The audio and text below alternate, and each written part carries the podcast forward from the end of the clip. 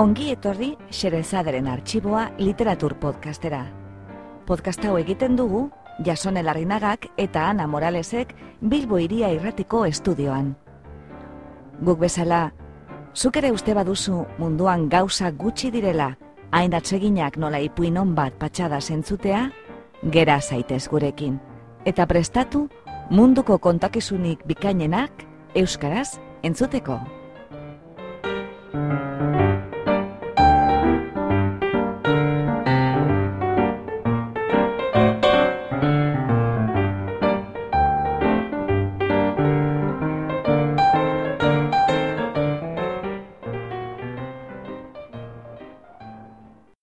Gaur, xerezaderen arxiboan, apaisa, alaxe deitzen zioten. Egilea, William Burroughs. Itzultzailea, Danele Sarriugarte. Sarrera, ahotsa eta edizioa, edu lartzanguren. Honela sedio edu lartzangurenek atal honetarako prestatu duen sarrerak. William Burroughs, bit belaunaldiaren aita bitxia da. Bit bat, avon la letre.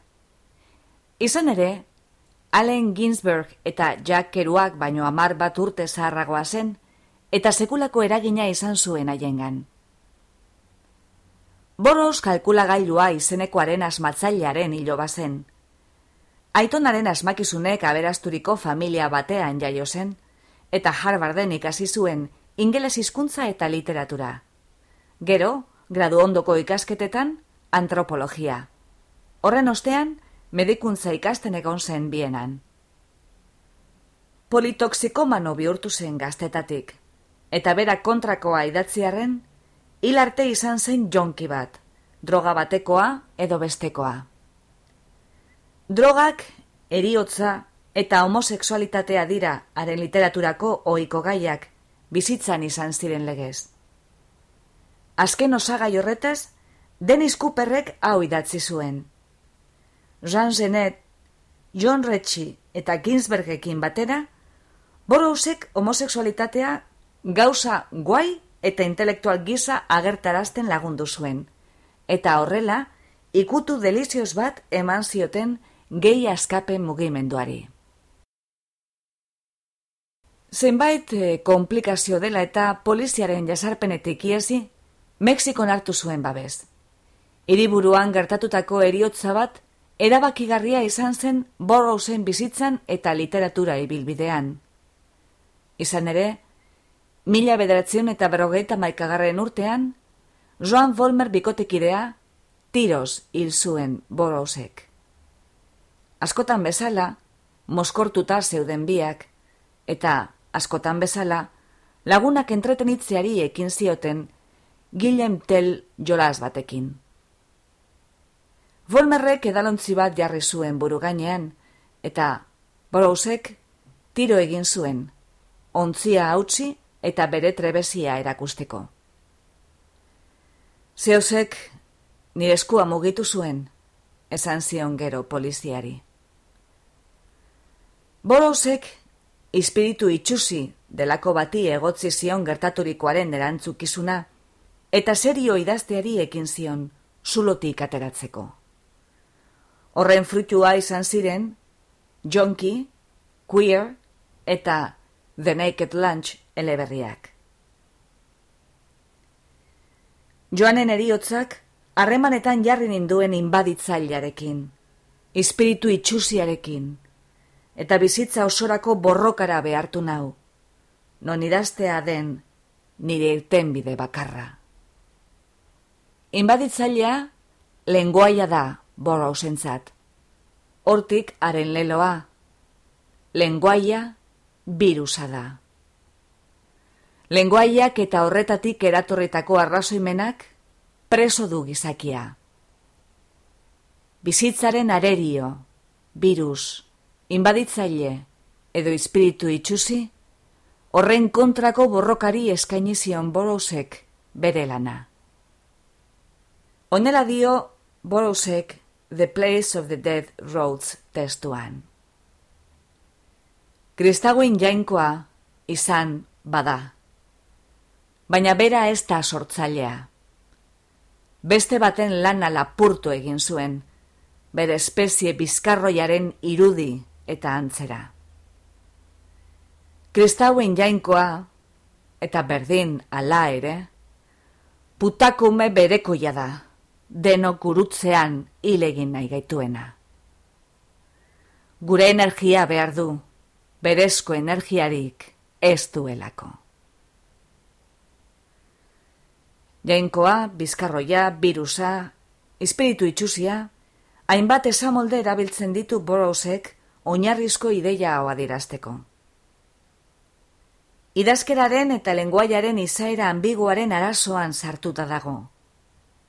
Lenguaia gaitza da, baina baita ere idazlearen tresna. Boros pertsonaiak eta haren literaturak sekulako eragina izan dute, letre munduan zein pop kulturan.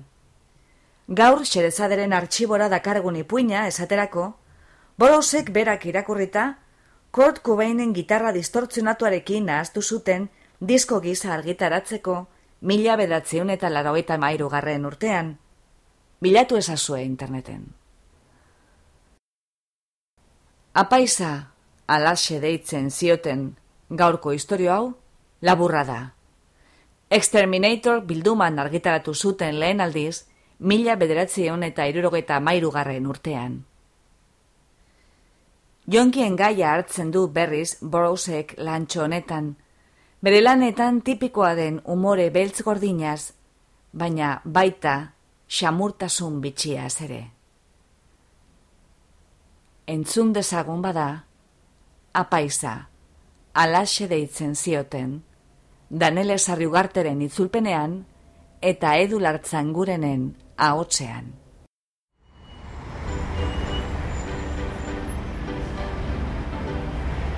Laguntza txiki bat tuberkulosia borrokatzeko Gabon gaua Drogazale zar bat egu berrietako karitate zigilutxoak saltzen, North Park kalean. Apaiza, alaxe deitzen zioten. Laguntza txiki bat tuberkulosia borrokatzeko. Jendea presaka pasatzen zen haren albotik, itzal grisak urruneko paretetan. Berandutzen ari zen, eta artean dirurik ez lortzeko. Alboko kaleskaran zabiatzean lakuko aizeak jozuen, labanaren ahoak bezala. Taksi bat gelditu zen apur bat aurrerago, farola baten azpian. Mutiko bat irten zen bertatik maleta batekin.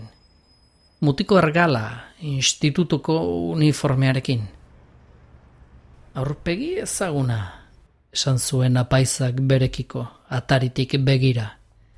Aspaldiko zerbait zekarre gogora. Mutikoa, hortxe, jakako botoiak askatuta, praketako patrikan txampon bila taksi gidariari ordaintzeko. Taksiak alde egin zuen kalekantoitik. Mutikoa eraikinera sartu zen, Hmm, bai, agian bai. Maleta han zegoen, atarian. Mutikoa, inundik ageriez. Giltzak hartzera joango zen, ziurrenik, azkar ibili behar. Apaizak maleta hartu zuen, eta kale kantoiran zabiatu zen. Eginda!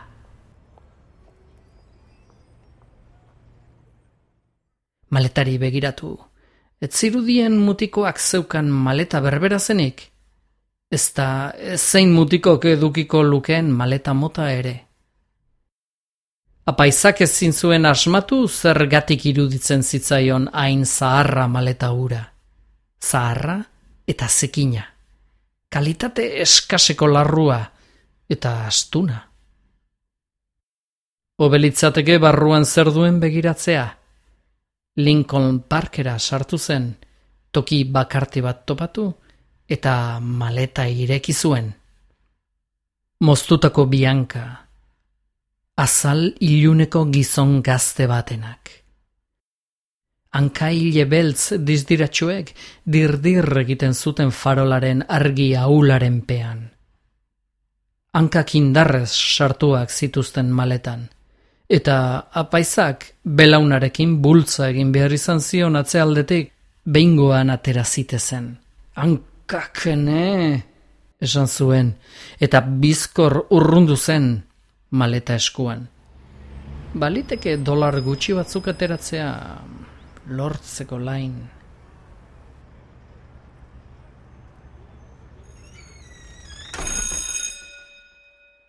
Erosleak susmo horpegi susnatu zuen maleta. Eh, nola baiteko usain bitxiadik. Larru mexikarra besterikan ez duk? Ba, morroiak etzian behar bezala ondu. Erosleak maletari begiratu zion gaitzezpen hotzez. Etzekiat behar bezala kabatu zian ere dena delako animalia. Iruduk eskein dezakedan onena eta min ematen dik. Baina gabonak dituk, eta i apaizaiz. Iru bilete ipini zituen apaizaren eskuzikinean, maiaren azpitik. Apaiza kaleko itzaletan galdu zen, narras eta isil. Iru zentimo ez ziren nahikoa poltsa bat erosteko. Gutxienez bostekoa behar zen. Esazak, Akordatzen adi zaharraren karrankaz. Ark esan zianaz, ez berri zitzultzeko zornizkian iru sentimoak ordaindu ezian. Ez oixe, ez zuen ba azukreko eskor bat izan, iru sentimo miserableren gatik marruka. Sendagilea etzen sobera postu apaiza ikustean. Tira, zer nahi dek, esan nian. Apaizak hiru bilete jarri zituen mai gainean. Sendagileak poltsikoan sartu zuen dirua eta garrasika hasi zen. Arazoak izan dizkiat, jendea ibili duk hemendik bueltaka, lizentzia galdu zezakeat. Apaiza bertan geratu zen, besterik gabe, zahar eta astun droga urteen poderioz, sendagilearen parean. Ezin dia errezetarik eman, sendagileak tiradera bat ireki zuen, eta botilatxo bat irristatu zuen mailaren beste alderantz. Hori duk bulegoan zaukadan guztia. Sendagilea altxatu egin zen. Artzak eta alde hemendik. Oiu egin zuen, ero baten moduan. Apaizaren aurpegiera, etzen aldatu. Sendagileak zera gehitu zuen, apur bat bareago. Azken batean, profesional bat nauk, eta enindukeki bezalako jendila jaren gatik kezkatu behar. Hori, hori alduk niretzat zaukaken guztia, gramo laurden miserable bat. Ez aldizkiak bolsenti molabako. Alde mendik, alde mendik, poliziari deituko ziot bestela. Zin egiten diat. Ados jauna banoa. Jakina, hotza egiten zuen, eta tokia urruti zegoen oinez joateko. Pentsio bat, kale zarpail bat, gela bat azkenengo solairuan. Eskailera hauek, egin zuen ez du lapaizak. Bere burua pentsioko barandatik gorantz bultzatuz. Komunera joan zen, lauza horiak hormetan, komunzuloa tantaka eta erremintak hartu zituen konketapetik. Paper marroian bilduta, atzera bere gelara. Tanta kontagailuko apur guzti guztiak hartu zituen. Besoaren goialdean batu zuen mauka. Orduan, hauen bat aditu zuen ondoko atetik. Hemezortzigarren gela. Mutiko mexikarra bizizenan, Apaizak behin baino gehiagotan zuen ikusia eskaileretan, eta bazekien mutikoa drogatan zebilela, baina ez zion sekula ezer esan. Ez gazteekiko loturarik nahi, berri txarrak dakartzate munduko hizkuntza orotan. Apaizak dagoeneko nahikoa berri txar jasoak zituen bere bizitzan, hauena entzun zuen berriro. Senti zezakeen hauen bat. Ondotxo ezagutzen zituen bai hauena, bai horren esan naia. Uh, agian istripuren bat izan dik, edo nola ere ezin nire botika paiztiarraz bakian gozatu, paretaz bestaldeko soinu horrekin. Pareta finak, badakizu. Apaizak xirin gautzi zuen, pasabide hotza, eta amazortzigarren gelako atea jozuen. Kienez, apaiza nauk mutiko, alboan bizi nauk, norbait aterantz zetorren, errenka. Morroioa askatu zuen. Antxe bertan zegoen mutikoa, barruko galtzak soinean, begiak beltz, oinazearen oinazez. Erori egin zen, apaizak oeraino lagundu zion. Zer gertatzen duk, seme? Nire hankak dira, senyor, arrampak ditut, eta botikari gabe nago. Apaizak arrampak ikus zitzakeen, egurrezko korapiloak balira bezala hanka gazte haietan. Hanka hile ilun, dizdiratxu, beltzak. Duela urte batzuk min hartu nuen bizikleta lasterketa batean, eta orduan hasi zitzaizkidan arrampak. Eta orain hanketako arrampak ditu. Drogak kobratutako interesekin batera. Apaizarra bertan gelditu zen, mutikoaren nahuenak sentituz. Burua makurtu zuen. Errezatzen hariko balitz bezala. Gelara itzuli eta tanta kontagailua hartu zuen. Gramo laurden bat besterik ez duk, mutiko. Ez dut asko behar, senyor. Mutikoa lo zegoen, apaizak emezortzigarren gelatik alde egin zuenean. Bere txokora itzuli eta oean eseri zen.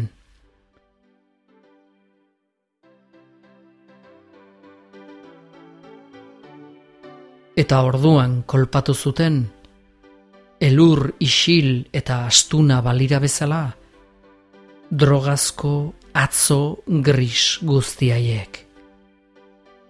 Bertan eserita, jaso zuen azken argiune orban gabea. Eta apaizabera, apaiz bat zenez, etzion inori deitu behar izan.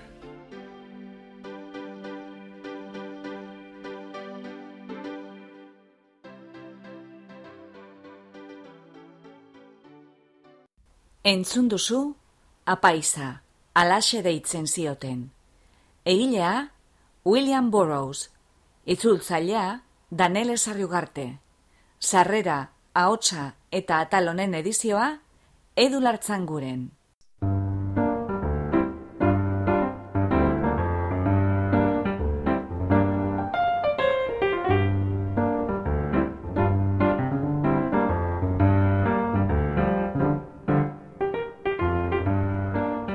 Xerezaderen artxiboko beste atal bat entzun duzu.